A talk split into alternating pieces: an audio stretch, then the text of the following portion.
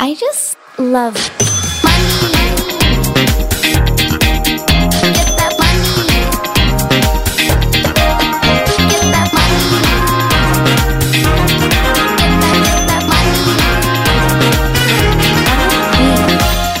God mandag og velkommen tilbake til en ny episode av Karrierekvinne podcast. I dag så har jeg besøk av eh, livsmestringscoach, podcaster, foredragsholder og forfatter. I hvert fall soon to be-forfatter. Isabel Engelhardt, velkommen i studio. Takk. Veldig hyggelig å ha deg her, endelig. Takk for at jeg fikk komme. Og få hilse på deg. Ja, jeg vet det.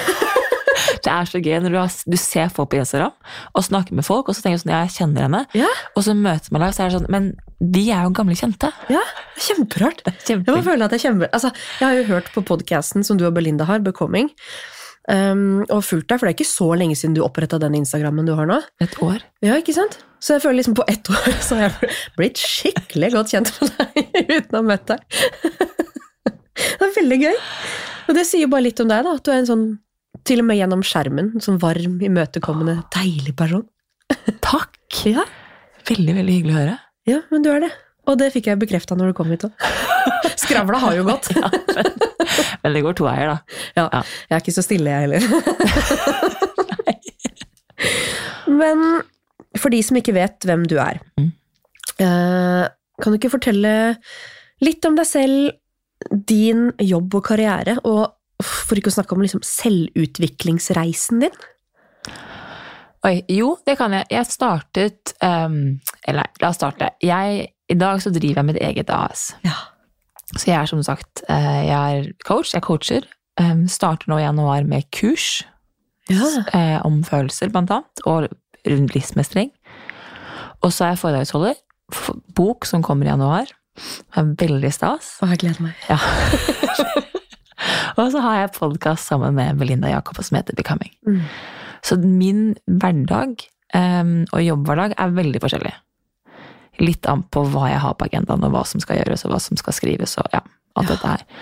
Men jeg er jo lidenskapelig opptatt av livsmestring. Mm. Det er jo Min store drøm er jo utvikling. Og jeg startet jo i jeg, Min store kjærlighet er også New York. Jeg elsker å bo i New York. New York Mm. er liksom mitt hjem. Oslo føles ikke som hjemme. New York er hjem for meg. Og jeg bodde i New York i tre år, og da jeg var ferdig med masteren min i media der, så var jeg veldig usikker på hva er veien videre. Hva skal jeg?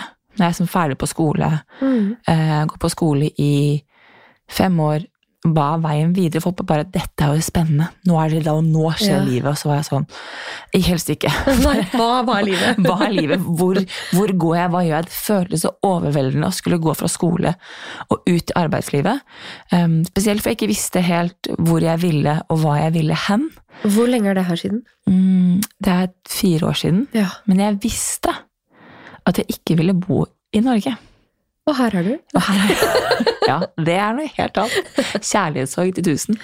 Men så da endte jeg opp med, og så følte jeg meg så lost i både meg selv og livet, at jeg fant livsmestring som et sånn verktøy for å prøve å bli bedre på livet. Altså oppriktig tenke at nå skal jeg få orden Jeg trodde det skulle ta fire uker, da. Ja. Jeg skal være ærlig og si at jeg trodde at det å meditere litt og skrive skulle ta fire uker. Så bare så, mm, she nailed it. ja. Um, den prosessen tok meg fire år. Den prosessen tok meg også hjem til Norge. For jeg måtte ut av um, Jeg måtte forlate USA fordi under covid så stengte um, Donald Trump um, green, altså, um, ja visum, visumsøknadene Ja. stengtes jo ned. Og da gikk mitt visum ut, så da måtte jeg hjem. Det er jo så trist når du Ja. føler at du har landa en plass. Når du føler at du bor i byen du har ment å bo i Dette er hjem. Det er første gang jeg har bodd kjente på hjem. Oi. Og så vet du at du må dra. Og du får ikke gjort noen ting med det. Det var jo en sånn, Og det er kjærlighetssorg til tusen. Du ble kasta ut, rett og slett. Du ble skikkelig kasta ut, ja. Så kjærlighetssorg til tusen. Eh, og så måtte jeg hjem til Norge som jeg ikke ville være i. Jeg ville ikke bo her. Eh, men jeg fortsatte allikevel å jobbe med livsmestring, for da hadde jeg blitt bitt av basillen. Altså Mm. ordentlig bitt av den livsmestringsbasillen. Jeg hadde lyst til å gjøre store ting, jeg visste bare ikke helt hvordan. Um, og så begynte jeg, tok jeg bare med meg den um, inn i livet hjemme i Norge. Og så skjer jo livet litt for Jeg tenker at livet skjer for deg, ikke mot deg. Mm. Hvis du tør å sitte i lenge nok, så vil muligheter komme opp som ikke du visste at du hadde. 100% Og det skjedde da jeg kom til Norge. Så jeg er veldig glad i dag for at jeg har vært i Norge og er i Norge, for jeg har en mulighet her jeg ikke hadde hatt ellers. Ja. Eh, Men at du sier at jeg drømmer om en returdato, Ja. det Til New York, det er en understatement til tusen. Ja. Så det, det er planen nå, etter hvert. Er jo å kunne ta med meg businessen ut. Ja. Så mitt, så det er, men tilbake til livsmestrings, ikke New York, men til livsmestringsdelen, så ble jeg så fascinert av hva du kan gjøre. Hvor mye eget ansvar du kan ta over eget liv, da. At du faktisk kan endre livet ditt ved å endre måten du tenker på, måten du føler på, måten du er på. Men 7% av det her, de lærde strides, det er 57 styres av den kognitive hjernen vår. Det vil si den tenkende delen av hjernen. Resten, Benedicte, styres av underbevisstheten. Så det betyr at 93-95% av din oppførsel styres ikke av det du tror du tenker, men det styres av gamle minner, gamle følelser um, og gamle oppfattelser du har laget om livet i kroppen din. Å, gud. Så hvis du vil endre noe, så må man tørre å gå dypt. Rippe opp i Ja. For du kan endre, altså du har ikke kraft. Det er derfor folk sliter med endring. Og jeg syns det her var så sinnssykt fascinerende. Og så er det sånn, ok, hvilken, Hvordan kan du gjøre dette her? Hvordan kan du gjøre det ras Jeg var jo raskest mulig. Det er jo Speedo Gonzales her, så det liksom bare gjør det fort. Hvordan kan du gjøre det raskest mulig, eh, og gå dypest mulig? Og det er jo her livsmestringen for meg ble liksom en sånn superbasill. Jeg ville lære mer om hva er det som har gjort at jeg er hun jeg er i dag. Ja. Og hvordan kan jeg slutte å gjøre at Isabel, syv år, tar avgjørelser om min bedrift, mitt liv, Mm. i dag. Fordi Isabel, syv år, er tipp topp tommel opp, hun er superbra. Ja. Men uh, businessmessig så er jeg ikke så keen på at hun skal liksom få lov til å styre den, ja, den delen av livet, da. ja, nei, det, jeg skjønner jo det. Ja. Men hvordan starter man? Altså, man kan jo tenke um, nå skal jeg bli bedre på livet. Jeg kjøper meg en almanakk og en robotstøvsuger og matkasse. Mm. Men det er jo ikke liksom som du sier, en fireukers quick fix. Nei. Hvor starter man? Hvor starta du? Eh, jeg startet med å tømme meg. Jeg var, så, jeg, altså jeg var som en, en, en propp full av dritt som hadde så mye følelser. Jeg hadde ikke villet føle. Ja. Jeg syntes det å føle var kjipt. Jeg synes det var dritt. Jeg synes det var helt ærlig at følelser er noe dummeste du kunne snakke om. Jeg bare, wow, det har skjedd mye Ja. med deg, tenker jeg. Ironisk at jeg i dag er sånn følelser er prima. Det er det eneste jeg prater om. Eh, Så jeg måtte faktisk begynne å tømme. Så det jeg startet med, var å begynne å skrive. Ja, Du gikk ikke til psykolog, liksom? Nei, nei, nei. Jeg har, nei, jeg har faktisk ikke Jeg har gått til psykolog før dette her, men den prosessen her er det faktisk eh, bare meg som har jobbet, og så har jeg fått noe veiledning utenfra. Eh, nå får jeg veiledning, Mm. eh, men i starten var det kun meg. Så jeg har jo trent meg opp, ironisk nok, til å gjøre mye jobben selv.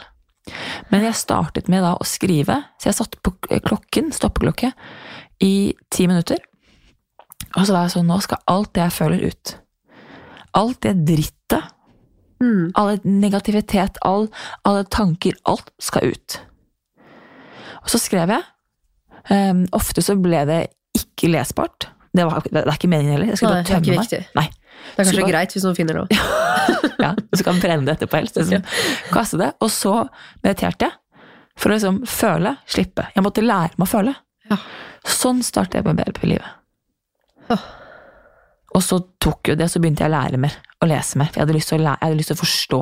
Mm. Kunnskap er ekstremt kraftfullt når du begynner å forstå hvorfor du gjør som du gjør. Og du begynner å se at det er en, for, en forklaring på hvorfor jeg opplever livet som jeg gjør, og hvorfor jeg er der jeg er. Det er ikke fordi det er noe galt med meg. Nei. Det er ikke fordi at jeg Jeg føler ikke så mye fordi jeg er um, feil. Jeg føler så mye fordi det er sånn jeg er som person. Mm. Jeg er et eksplosivt fyrverkeri. Altså, jeg smeller, da. Ja. Og det er nydelig. Men jeg må tillate meg selv å smelle. Og så må jeg lære meg til at det er også ok at andre syns det er litt ubehagelig. Ja, for den, eh, den er litt vanskelig å liksom hoppe inn i. Ja. Den, ja. Man vil jo ikke at andre skal oppfatte deg som ubehagelig å være rundt, eller at man liksom skal Nei, og det er jo her Du er ustabil, liksom. Ja, men her er jeg kommet til min store leveregel, og som er oppriktig at min liksom sånn våte drøm som nå går av fyllest, er litt i boken som kommer, så har jeg fått et diagram, illustrasjon, av det jeg kaller for ansvarsfraskrivelse, overkompensering og 100% ansvar for deg og dine følelser. Fordi det er så mange mennesker i livet som driver med ansvarsfraskrivelse. Er ikke min feil. Mm. Klassisk offermentalitet. Mm. Det er ikke, ikke min skyld at du er grunnen til at Hvor du har null ansvar for det som skjer i livet ditt. Det er den ene siden av skalaen. Andre siden av skalaen, det er overkompensering. Hvor du tar ansvar for alle andre. Hvis ingen andre gjør det, så blir det ikke gjort. Nei.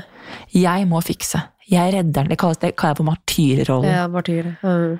I midten her er 100% ansvar for meg og mine følelser og min reaksjon. Det betyr at i din og min samtale her nå, når jeg skal ha 100% ansvar for meg selv og mine følelser, så skal jeg få føle det jeg har behov for å føle. Altså selvfølgelig passende her vi er, sitter, sitter Sitter og hylgriner i poden plutselig og skriker kjeft. Ja, men hvis du syns at det er ubehagelig, Mm. så er det ditt. Ja. Det må jeg jobbe med. Det må du jobbe med. Det er ikke min, mitt ansvar. Så jeg skal ikke gå inn og overkompensere med å please eller forsøke å fjerne det ubehaget fra deg. Det skal du bare få lov å være selv. Så utrolig deilig det du sier med at du skal ikke please noen andre. Den eh, Det er jo ikke lett å komme dit. Du må kikke på meg ja. bare oh. Det er, altså, altså, dette er en treningssak. Dette er når jeg trener på daglig okay, hva jeg selv er ansvarlig for. Ja. Spesielt hvis man står i en krangel, en diskusjon. Hva er mitt, og hva er ikke mitt? Og hva kjenner jeg på ubehag? Hva kjenner andre mennesker på ubehag? Er, er jeg et offer nå? Er jeg martyr? Hvorfor er jeg martyr? Ja, fordi at husk på at det ironiske er at de som har ansvarsfraskrivelse, de trenger å ta mer ansvar, så de må, de må lene seg mer mot skalaen mot, over, altså mot det um, overkompenseringsdelen, martyrdelen. Ja. Mens martyren Må bli mer offer. må bli mer ansvarsfraskrivende. Og det syns spesielt kvinner er vanskelig. For hvem gjør det hvis ikke de gjør det, da? AK pleasingen. Wow. Wow. Vi skal dykke dypt i det her, kjenner jeg. Men altså, hvordan eh, Tenkte du at det jeg gjør nå er for meg selv, eller det her skal jeg bygge karriere på? Når var det det kom inn, liksom? Aldri. Nei. Eh, Jeg sk skulle ikke ha karriere, Benedicte. Nei.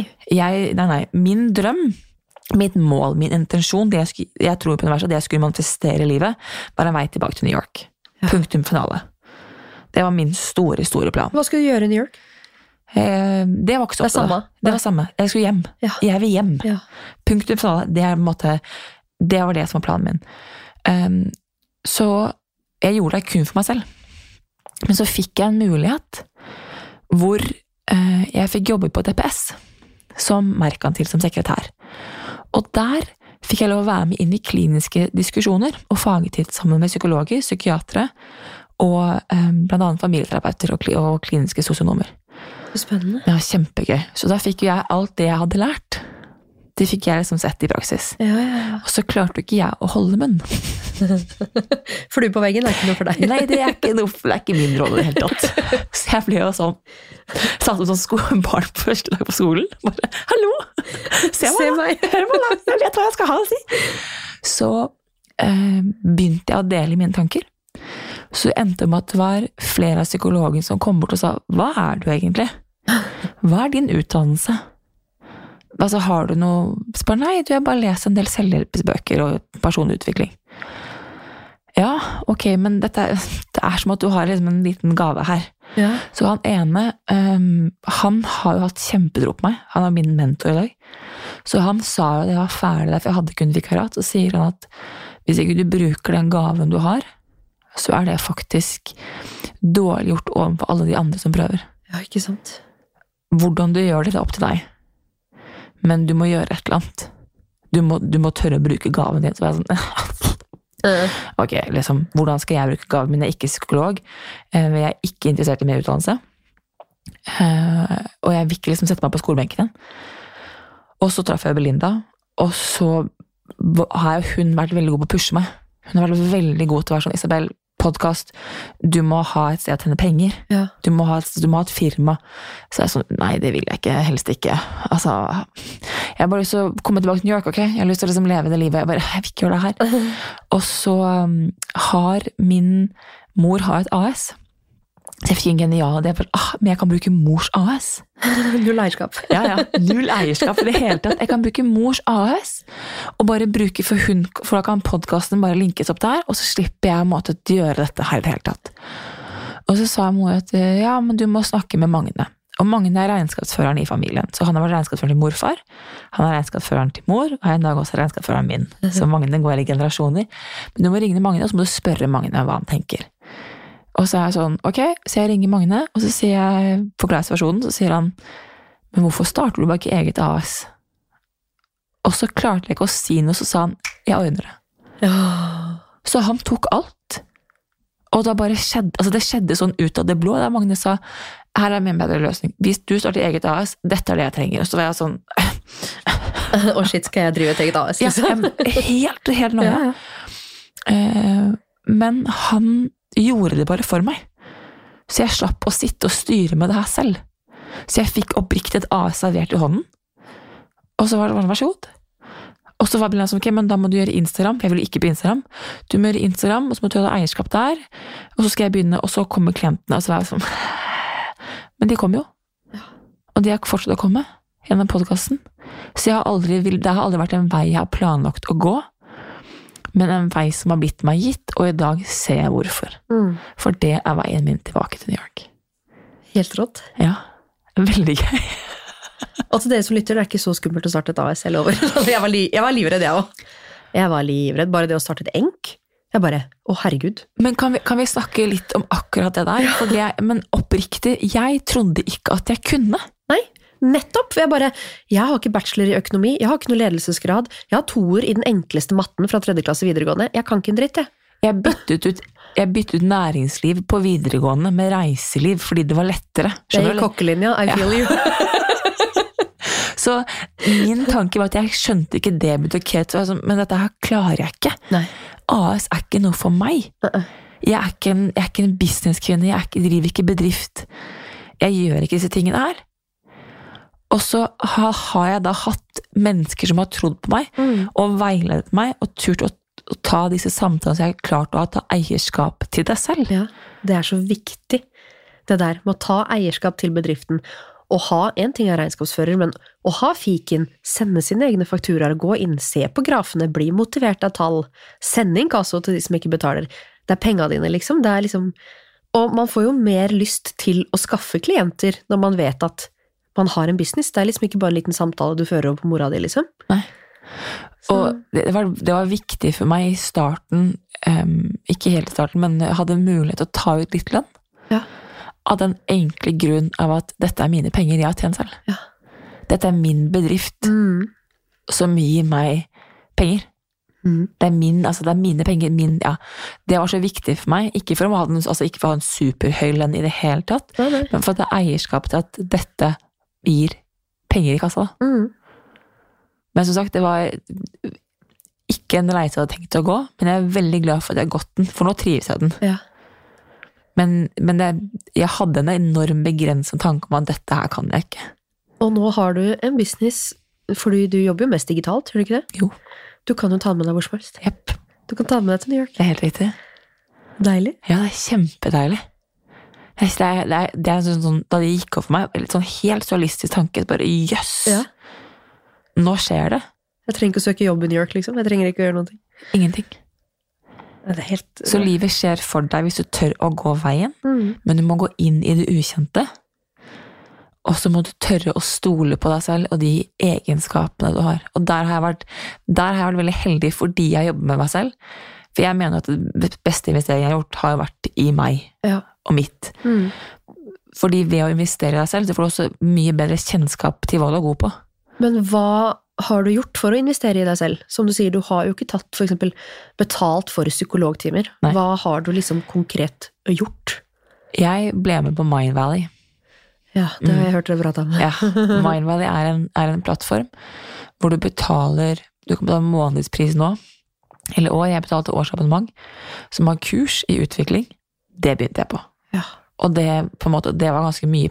Jeg tror det koster Da kostet det vel 7000, Mm. og det var ganske mye penger når du måtte egentlig ikke ha penger. Mm. Kan skrive deg på firmaet, folkens. Ja, det gjør jeg i dag. Ja. Eh, men det var ganske mye penger jeg ikke hadde penger. Men det var noe jeg valgte å gjøre, For jeg var sånn, jeg må lære mer. Mm. Og jeg, den avkastningen her, den vil gi meg enormt mye utbytte senere. Å si at jeg har rundet Mind Valley, er en understatement. Ja, 100 ganger Liksom. 100 ganger. Jeg var sånn, altså det gikk, gikk på repeat, repeat. Alt jeg hadde behov for. Leste, leste, leste, leste, leste, leste, leste. Og siden har jeg tatt veldig mye kurs. Ja. Veldig mye kurs. Hæ. Kurs og sertifiseringer for å lære å forstå. For å, å få alle ulike input. Mm. Fordi at jeg må ha litt av alt, jeg må forstå litt av alt. Jeg trenger ikke å gi deg forskjellen på hva bipolar 1 og bipolar 2 er i diagnose i psykologi. Det er sånn det kan andre ta, men jeg trenger å forstå hva en diagnose er for noe. Jeg trenger å forstå hva det brukes til, og noen av kjennetegnene, og that's it. Mm. Og det kan du få ved kurs og lesebøker. Oh, jeg føler, eller jeg opplever jo, for nå, jeg har jo et veldig stort nettverk gjennom Equal, men jeg opplever at det er så mange som kvier seg for å bruke penger på personlig utvikling. Mhm. Om det er en coach, om det er en psykolog, om det er et nettkurs, om det er en mentor, om det er et medlemskap, om det er å gå på et event hvor du lærer noe. Eh, det er jo så viktig! Det er så utrolig viktig, bare det å få fram viktigheten av selvutvikling, da. Jeg tror alle har forbedringspotensialet, og som du sier, det er faktisk et lyttespørsmål også, det å tørre å gripe muligheten. Mhm. Eh, Det er noen som lurer på, liksom, hvis man får, sånn som du da, får en mulighet, og du syns det er skummelt, mm. og du ikke har en Magne, mm. hvordan tørre å gripe en mulighet hvis du har en idé, og du ikke Du kan ikke noe om de tingene som vi har snakka om nå. Drive bedrift. Mm. Du kan ikke noe om økonomi, du kan, altså, du kan ikke matte, du kan, du kan ikke de tingene her. Men du har en idé, eller det å gripe en mulighet, hvordan faktisk tørre å gripe den muligheten. Tro på deg selv. Hvis du ikke har troa på deg selv, da. Det er der du må starte. Ja. Her er clouet, Benedicte. Jeg er uenig med deg. Du kan ikke få en mulighet, få en idé, hvis ikke du tror på deg selv. Nei. Da kommer den ikke. Nei. Hvis ikke du tror på deg selv, så vil ikke den komme. Da er man det jeg kaller flat. Ja. Så, så man er sånn Jeg kan ingenting, bla, bla, bla. bla. Hvis du har litt tro, Ja. hvis du får en idé For det er som sånn, jeg ser på meg en idé som å skru på lyspære. Sånn, «Åh, åh, jeg har en supergod idé. Ja. I know what to do. Så er det det at derifra så er spørsmålet hva er neste skritt? Mm. Jeg sitter jeg, det er basert på min, dette er faktisk helt sant. Jeg sitter eh, Jeg får en lynidé i New York et par måneder før jeg må flytte hjem, av å skrive bok. Jeg skriver 100 000 ord på engelsk. Førsteutkast. Før jeg skjønner at jeg trenger mer kunnskap. Mm. Jeg har ikke nok kompetanse til å snakke om det jeg snakker om. Det er en livsmestringsbok som handler om hvordan bli din egen beste venn. Ja. To og et halvt år senere, Benedicte, så er boken min utgitt. For den kommer i januar. Deilig. Så det å vite ok, hva er neste steg, bokdrømmen, døde ikke Nei. da jeg la ned den boken i juni i 2022. Mm. Men jeg skjønte at jeg trenger noe mer. Men folk, det som er Folk er ikke noe glad i å være i prosessen. Spørsmålet er ikke om du kan ta muligheten eller ikke. Spørsmålet er hvor mye tåler du ubehaget? For dette her tror jeg du kan kjenne deg igjen i. Det er at veldig mange mennesker vil komme seg i mål. De vil ha en bedrift, de vil tjene mye penger, de vil gjøre det bra. Mm. Hvordan har du kommet dit? Da du startet enkeltmannsforetaket ditt, så startet ikke du at boff, det gikk bra. Jeg hadde litt flaks, da. Eller ikke flaks, hard jobbing. Men eh, ja, det er veldig mange som lurer på det, og jeg var jo en av de som kunne ta ut lønn fra første måned. Men, ja, Men ja. men husk på at ditt, din start startet ikke, du startet enkeltmannsforetak. Nei, det starta mange år tidligere, når jeg hadde det som hobby. Helt riktig. Yes. Det var der din reise startet. Mm. Du tok en avgjørelse På å gjøre det til business. på å gjøre det til business, Mm. men den startet ikke der. Nei. Nei, Så du hadde allerede kunnskap. Mm. Vi startet på hel bare bakke, som det jeg gjorde. Ok, men du må tørre å se ok, hva er muligheten. Mm. Hva skal jeg gjøre? Hvor skal jeg gå? Kan, hva er neste skritt? Og det er jo her personutvikling er essensielt. Fordi du har jo i din reise, da du hadde som hobby, hatt tro på at det her funker. Tenk å begynne å blogge som en 17-åring, Ikke sant? og så skjer det ingenting før du er 28. Ja. Da er du standhaftig. Da er du standhaftig. ja, men det er det her jeg mener. da. Folk, folk tror at det finnes noe som heter overnight success. It Mm. Ja. doesn't. Nei. Det skjer ikke. Du ser bare ikke all den harde jobbingen, så folk er så interessert. Ok, men jeg vil bli som Benedicte. Ja. Jeg får ikke til første måned, det går ikke. Nei. Din reise startet da du var 17 år. Ja. Ferdig. Mm. Og. Det er noe med det å ta det i perspektiv. Fordi poenget og Du er jo ikke ferdig i dag, er du det? Nei, nei. Nei, du har, ikke, har du nådd alle de målene du har nådd? problemet mitt er jo det at jeg skal nå så jækla mange mål på kortest mulig tid, men nå har jeg begynt å innse at arbeidslivet er langt. Jeg har ikke dårlig tid. Jeg trenger ikke ha 20 lanseringer i året. Jeg blir bare dritsliten og deprimert. Jeg elsker jobben min, men i fjor, i fjor høst, jeg hata den. Jeg lærte veldig mye da. Men ja, det å kunne spre det litt utover, sånn som du sier da, du kan godt starte på boka, men du trenger ikke å slippe den før om kanskje ti år. Og det er jo alle disse tingene her, og så er det at ok, hvordan kan du bli kjent i ubehaget? Fordi jeg kan garantere at på din reise så har du opptur oppturer og nedturer. Jeg hørte denne episoden din hvor du snakket om økonomi. Mm. Hvor du snakker om at du og Donna gikk på en smell med noen kleskolleksjon. Ja. Mhm. Det har jo ikke bare vært rosenrødt på din reise heller. Nei, nei, nei. Og det er det hvordan stå i det. Mm. Hvordan stå i det og fortsatt ha klesdrømmen. Mm. Hvordan tenke at ok, jeg kan Jeg har to valg. Jeg kan lære, eller så kan jeg gi opp. Mm. Jeg hørte en podkast fra en som heter Rockamore. Um, Ja, ja. grunnleggeren Fredrikke. av ja, Fredrikke ja. Rockamore. Som sa at når du tør å ta eierskap til de avgjørelsene du tar, Mm. så kan du ikke feile. Det er ikke feiling i et valg. Enten så får du det til, eller så lærer du. Det feiler ikke. Du feiler ikke. Du kan ikke feile. Det kan kjenne, du kan kjenne på skuffelse, frustrasjon, sinne. Alt dette her. 110 ja. Mm. Men du kan ikke feile, for du vil lære. For det jeg kjente på da, var at det gikk jo dritbra, egentlig. Det blei utsolgt på seks minutter, alt var liksom helt supert, men liksom Jeg blei så redd, da, ettersom det her var en stor fabrikkfeil og logistikkfeil. Folk hadde fått feil produkter, enorm kundeservicejobb. Jeg var så redd for at folk bare Ingen kommer til å kjøpe det Benicte lanserer på nytt, for det er jo bare noe feil med. Det var det jeg liksom tenkte bare, Hvordan skal jeg lære av det her? Men jeg ringte jo hver eneste kunde. Hvor mange dager brukte jeg, liksom? Ringte hver eneste kunde, la meg paddeflat, fortalte hele historien, hva som hadde skjedd fra fabrikken til logistikken til liksom Og jeg blei bare møtt med forståelse. Mhm. Jeg tror jeg fikk tre returer av alle de eh, vet ikke, tusen plagga jeg solgte, liksom. Så det er her, da står du i en fryktsituasjon, Ja. og det her Ironisk nok så er jo følelser det jeg jobber mest med, det er mest vitenskapelig. Hvis du kan håndtere følelsen, som blir frykt, Mm. kan gjemme deg gjennom frykten, så er det ikke lenger et hinder. Nei. Det er en evne du utvikler. For det, det, var, li, ja, altså, det var dritskummelt å ta telefonene. Altså, ja, Mm. Det handler ikke om det ikke er skummelt. Men Hvor mye man lærte av samtalen. Helt riktig. Spennende. Så det, det er derfor jeg tenker at det er når folk sier du må gripe muligheten, så er det sånn ja, du må gripe muligheten, men også tørre å stå i det. Mm. Du må tørre å ha tro, du må tørre å tenke at selv om det ikke skjer nå, så skjer det ikke. Jeg har en teori om at noe av det vi mennesker sliter mest, er utålmodighet. Eh, ja. Ja. Utålmodighet, hvis du skreller laget, altså løken til utålmodighet, i kjernen av den så ligger følelsen tvil. Mm. Hvis du skreller tvil, i kjernen av tvil er frykten for kaos. Fordi vi tenker skjer det ikke nå, vil det aldri skje. Ja. Og da tviler vi, og frykten for kaos betyr at vi er så redd for at vårt liv ikke skal gi mening.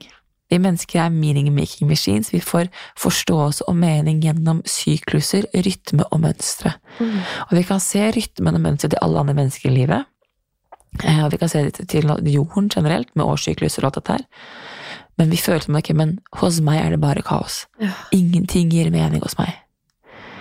Men mennesker kan skape kaos. Naturen vil aldri skape kaos. Naturen skaper bare det som kalles en vanskelig begynnelse. Fordi setter du atom, jeg mener atomer, inn i en container, så vil de i starten, altså en haug av atomer, så vil de i starten gå i alle veier, altså alle vinklers veier. Men etter hvert så vil de alle sammen gå i samme bane Ja. som ser ut som et evighetstegn. Det er det som kalles det bare fire effect. Så livet kan ikke, skaper aldri kaos, skaper bare en vanskelig start eller et ugjenkjennelig mønster. For, for å ta det helt Det bare, det var dypt. Men det er jo også en ting du sier da med at Altså det herre kaoset Hvis du skreller hva du sa, tvil, så kommer kaos. Mhm. Frykten for kaos. Frykten for kaos. Ja. Men av utålmodighet Mhm. så kommer det jo også mye kaos. Hvis du er for utålmodig og har for mange baller i lufta samtidig, for eksempel. Jeg er jo en veldig utålmodig person. Mhm. Eh, Til samboeren min store frustrasjon. Mhm. Jeg skal jo helst ha livet til en 60-åring i en alder av 30. ikke sant? Jeg skal ha det der huset ved sjøen, jeg skal ha den hytta, jeg skal ha den båten, jeg skal ha det feriehuset i Spania. Han bare sånn Vi har ikke dårlig tid. Og han er jo da livredd for at det her ender med kaos. Ja. Men hvordan liksom Den utålmodigheten, hvordan kan man bremse den og bli mer tålmodighet, spesielt Altså å få mer tålmodighet, spesielt i business, da. Når man kanskje har kommet dit som veldig mange som lytter, kanskje har mange muligheter, mange forskjellige veier å gå.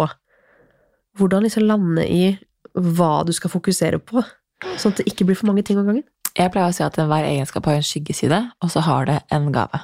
Ja. Gaven til utålmodighet er tillit. Tålmodighet, som vi tenker på tålmodighet, da tenker vi på venting. Ja. Du kan vente tålmodig, og du kan vente utålmodig. Ja. Venting er bare en, en mental tilstand. Mm. Tillit er kjernen av venting. Når du har tillit til prosessen og tillit til deg selv, Benedicte, det er jo da ting skjer. Det er jo da du tar de riktige avgjørelsene. Mm. Jeg hørte igjen den podkasten-episoden hvor du snakket om at du kjøpte hytte. Mm. Hvor du sa at du ventet. Du ventet i sommer med å kjøpe. Mm. For du skjønte Det var et eller annet som sa 'ikke nå'. Nei. Ikke nå. Ikke nå. Ikke nå. Det, det er det som handler om muligheter. Kjenne, jeg, alle mine avgjørelser tas at jeg må kjenne etter. Jeg må føle. Mm. Hva forteller kroppen meg? Hva er riktig for meg? For det som er en mulig, riktig mulighet for deg, er ikke nødvendigvis en riktig mulighet for meg. Og jeg kan ikke gjøre businessen min på noen andres måte enn min egen. Jeg har ikke sjans. Hvis jeg skal gjøre bedriften min som deg, Benedikte, så vil jeg tryne. Hvis du skal gjøre businessen din som meg, så vil du, vil du tryne. Du må finne din måte. Ja. Det er der du er god. Mm. Det er der du har dine egenskaper, det er der du har dine ferdigheter. Det er da du er deg. Du stråler og er ustoppelig når du er fullt og helt Benedikte. Mm. Når du prøver alle andre, da tryner du. Det er jo også noe jeg har veldig lyst til å snakke med deg om. Gir det Altså- mening, forresten? 100 Og bare det du sier med venting og liksom tillit og tålmodighet. Jeg er bare sånn Ja. Men kan jeg bare svare på det akkurat før vi Ja, ja. går over? For du sier at hvordan jobber du med utålmodigheten din? Ja. Her er greia. Du må være tålmodig med egen utålmodighet. Jeg Jeg, jeg tvinger meg selv til å bremse nå. Har ikke lyst til å bremse i det hele tatt. Jeg. jeg er verdens Jeg, fikk beskjed om at Isabel, eh, du er født utålmodig. Du kan ikke bli tålmodig. Og så tenkte jeg sånn, mm, der er jeg faktisk litt uenig, men det er greit. Og jeg måtte jobbe, men jeg må jobbe med at ok, hva er jeg redd for at skal skje hvis ikke det skjer nå? Ja. Hva er frykten i utålmodigheten min? Og når jeg er utålmodig, det er helt ok. Det er en følelse. Jeg skjønner at du føler det sånn, men dette her går bra. Hva er du redd for at ikke skal skje? Det er jo at det ikke skal skje, da. Ja, men hvorfor er du redd for at det ikke skal skje? Hva er det som tilsvarer for deg at det ikke kommer til å skje? Hvis det har skjedd alle ganger før? Jeg sitter og smiler. Jeg bare, Nei, det er jo egentlig ingen grunn til at det ikke skal skje. Jeg tror jo mye av det bunner ut i den usunne sammenligninga vi gjør. Konkurranse. Hustle culture. Men da er jo ikke du deg. Nei. Hvis du sammenligner deg med noen andre der ute, så vil ikke du, vil du kjenne på at det får du ikke til. Og det er utilstrekkelighetsfølelsen som gjør Mm. at du kjenner på at ja, men det, må- det må skje noe. Mm. For skjer det ikke noe, så er jeg ikke god nok. Skjer det ikke noe, så får jeg det ikke til.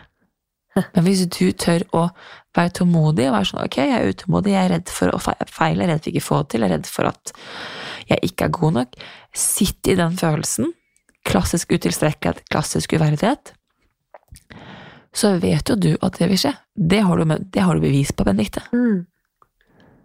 Du, du har jo sett det hele veien med egen bedrift, med eget liv. Når du tør å følge din rytme, ditt tempo, på din måte, da går det. Hvor mye skal man lære i løpet av én time i livet? Hvor mye er det mulig? Men det handler om perspektiv. Ja. Men den største frykten vi mennesker går og bærer, er frykten for å være oss. ja, men hvordan, altså Frykten for å være oss. Mm. Du har jo snakka veldig mye om uh, behovet vi har for å passe inn. Mm. Og at vi er redd for å skille oss ut. Mm. Og viktigheten av å finne sitt autentiske jeg. Yep. Kan du ikke liksom snakke litt om det? Altså, én ting er jo personlig, privatliv, karriere, men det å være sitt autentiske jeg, hvordan, hvordan kommer man dit? Hva vil det si i praksis? For jeg kan godt si jeg er 100% meg selv, men er jeg det? Jeg føler at jeg har forskjellige roller overalt hvor jeg er, liksom. Ja. Det er stort. Stort. Stort spørsmål. Nei, det å være 100, autent, nei, 100 deg selv, som jeg kaller å være autentisk deg, er å la deg være deg. Vil ikke du ta på deg en maske. Mm. eh, hvor du kan ha veldig mange ulike roller, og du kan være en sosial kameleon, og du kan ha alle disse ulike tingene. Ja, for det er du for at man skal kunne fortsette med. 110% Ja, for jeg har hørt mange podcaster med folk som bare nei, jeg skal være akkurat den samme overalt, jeg. jeg. bare, Men jeg kan ikke være den samme mammaen som jeg er i forhandling, som jeg er mot faren min, som jeg er mot kjæresten. Jeg kan ikke være den samme personen. Det går jo ikke. Du er ikke ment å være det heller. Nei. Det er godt å høre, for jeg blir litt sånn forvirra av Nei, jeg at, nei, nei, jeg tenker at jeg skal være meg, men jeg må finne meg jeg må finne meg i business, Mm. jeg må finne meg i mine nære relasjoner, jeg må finne meg i min relasjon til meg selv. Jeg må finne meg hvem jeg ønsker å være offentlig. Ja. Det, de to er jo ikke samme i det hele tatt. Altså, jeg har fått veldig mange, godt eksempel, jeg får veldig mange kommentarer på det, det er veldig rolig og behagelig podcaststemme. Ja, det har du. Takk. Dette er ikke, og det er så gøy, brorsan, jeg har sagt det til brorsan, som er min lillebror, og han er sånn øh, De skal høre deg når du synger i bilen, liksom. da gauler du. Ja, for jeg ser for meg at du er liksom bare sånn rolig og behagelig og myk og varm hele tiden. Absolutt ikke. Du skal, altså, hadde han sittet der nå, så hadde han vært sånn What the fuck? Ja, det er ikke hun. Nei. Fordi jeg har en rolle. Mm. Dette er hun jeg er i, fordi jeg ønsker å gi en god lytteropplevelse. Mm. Men når jeg er samlet med min familie hjemme, og vi samler, samler søskenblokken, da er det høyt under taket. Ja. Og mest sannsynlig så er det jeg som er høyest. Ja. For det har jeg lært meg. Så det, å, det handler ikke om at du ikke skal være deg, men det å være deg som mamma er jo deg. Ja. Så, men du kan ikke være hun i business. Nei. For det er, er ikke deg. Så det, er, det å finne det autentiske er å finne ut okay, hvem er jeg i de ulike relasjonene, og hvem er jeg? Kanskje aller mest overfor meg selv. For vi er jo så gode på å ta på oss roller. Pleasing. Mm. Jeg, ja, pleasing. Yes. Jeg, skal, jeg må gjøre det fordi. Da er jeg god nok. Jeg gjør det fordi.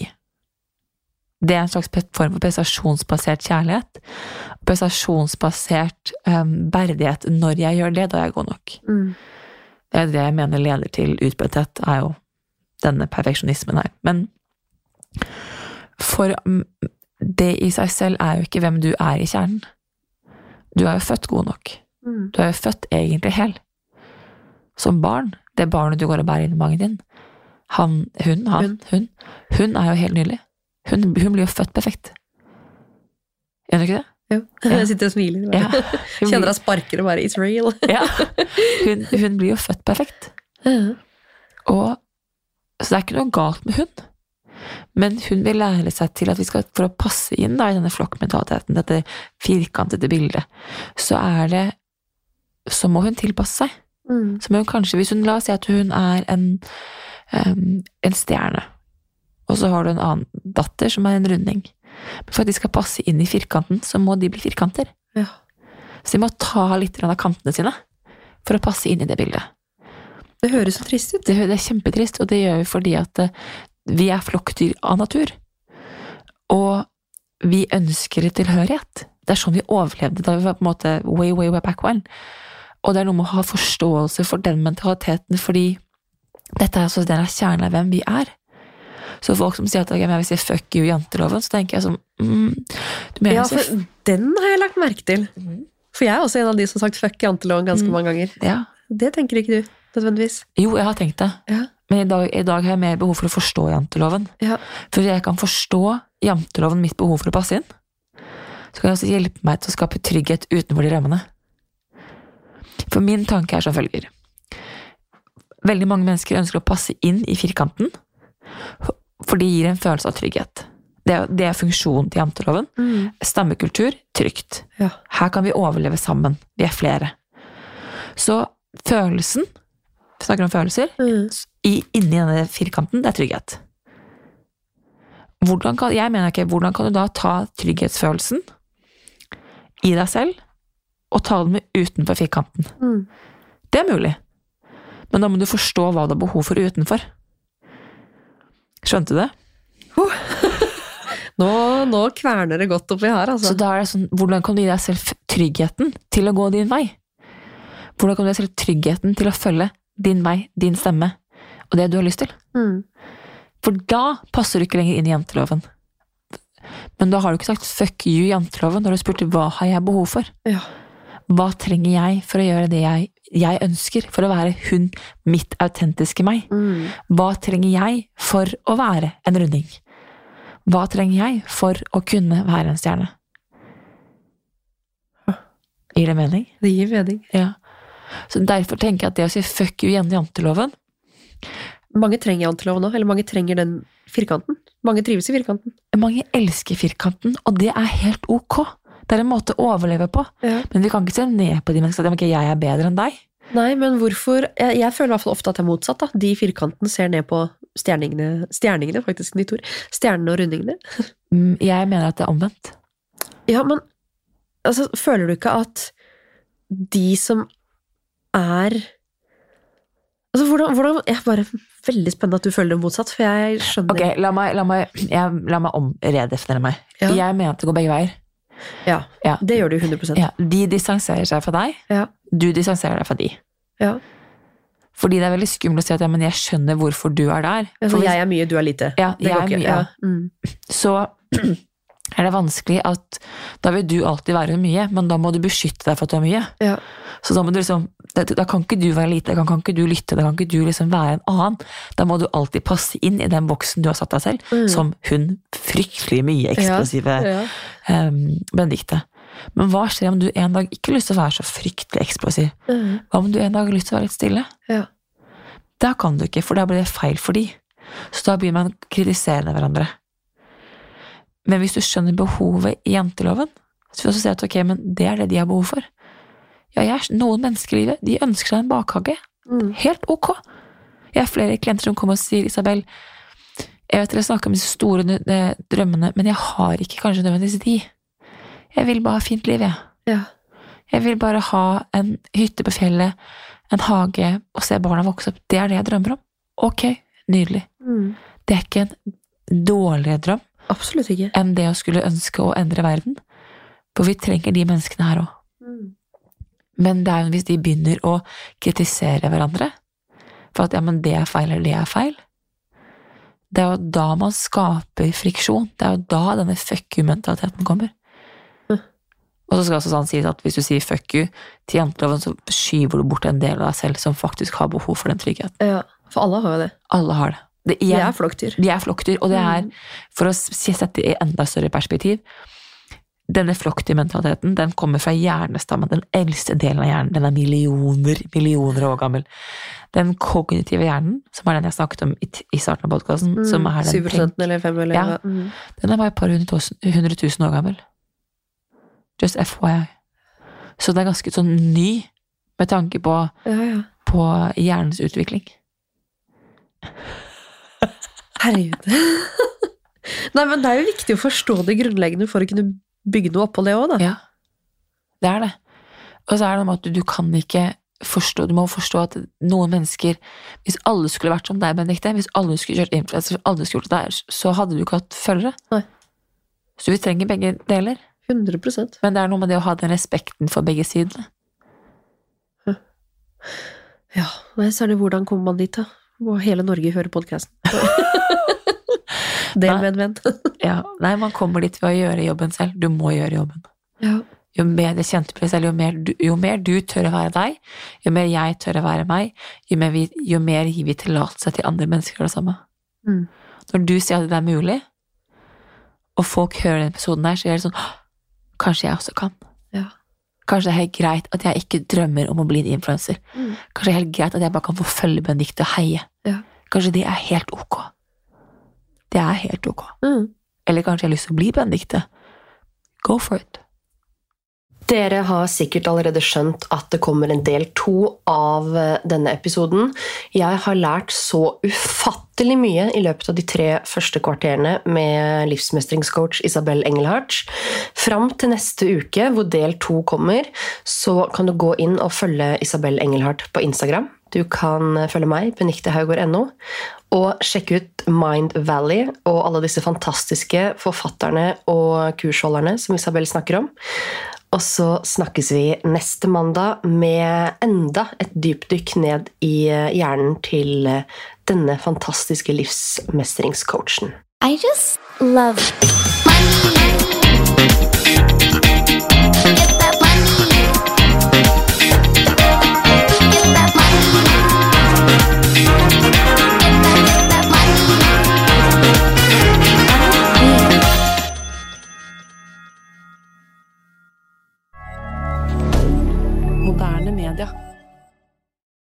Har du et enkeltpersonforetak eller en liten bedrift? Da er du sikkert lei av å høre meg snakke om hvor enkelt det er med kvitteringer og bilag i fiken, så vi eh, gir oss her, vi. Fordi vi liker enkelt. Fiken superenkelt regnskap.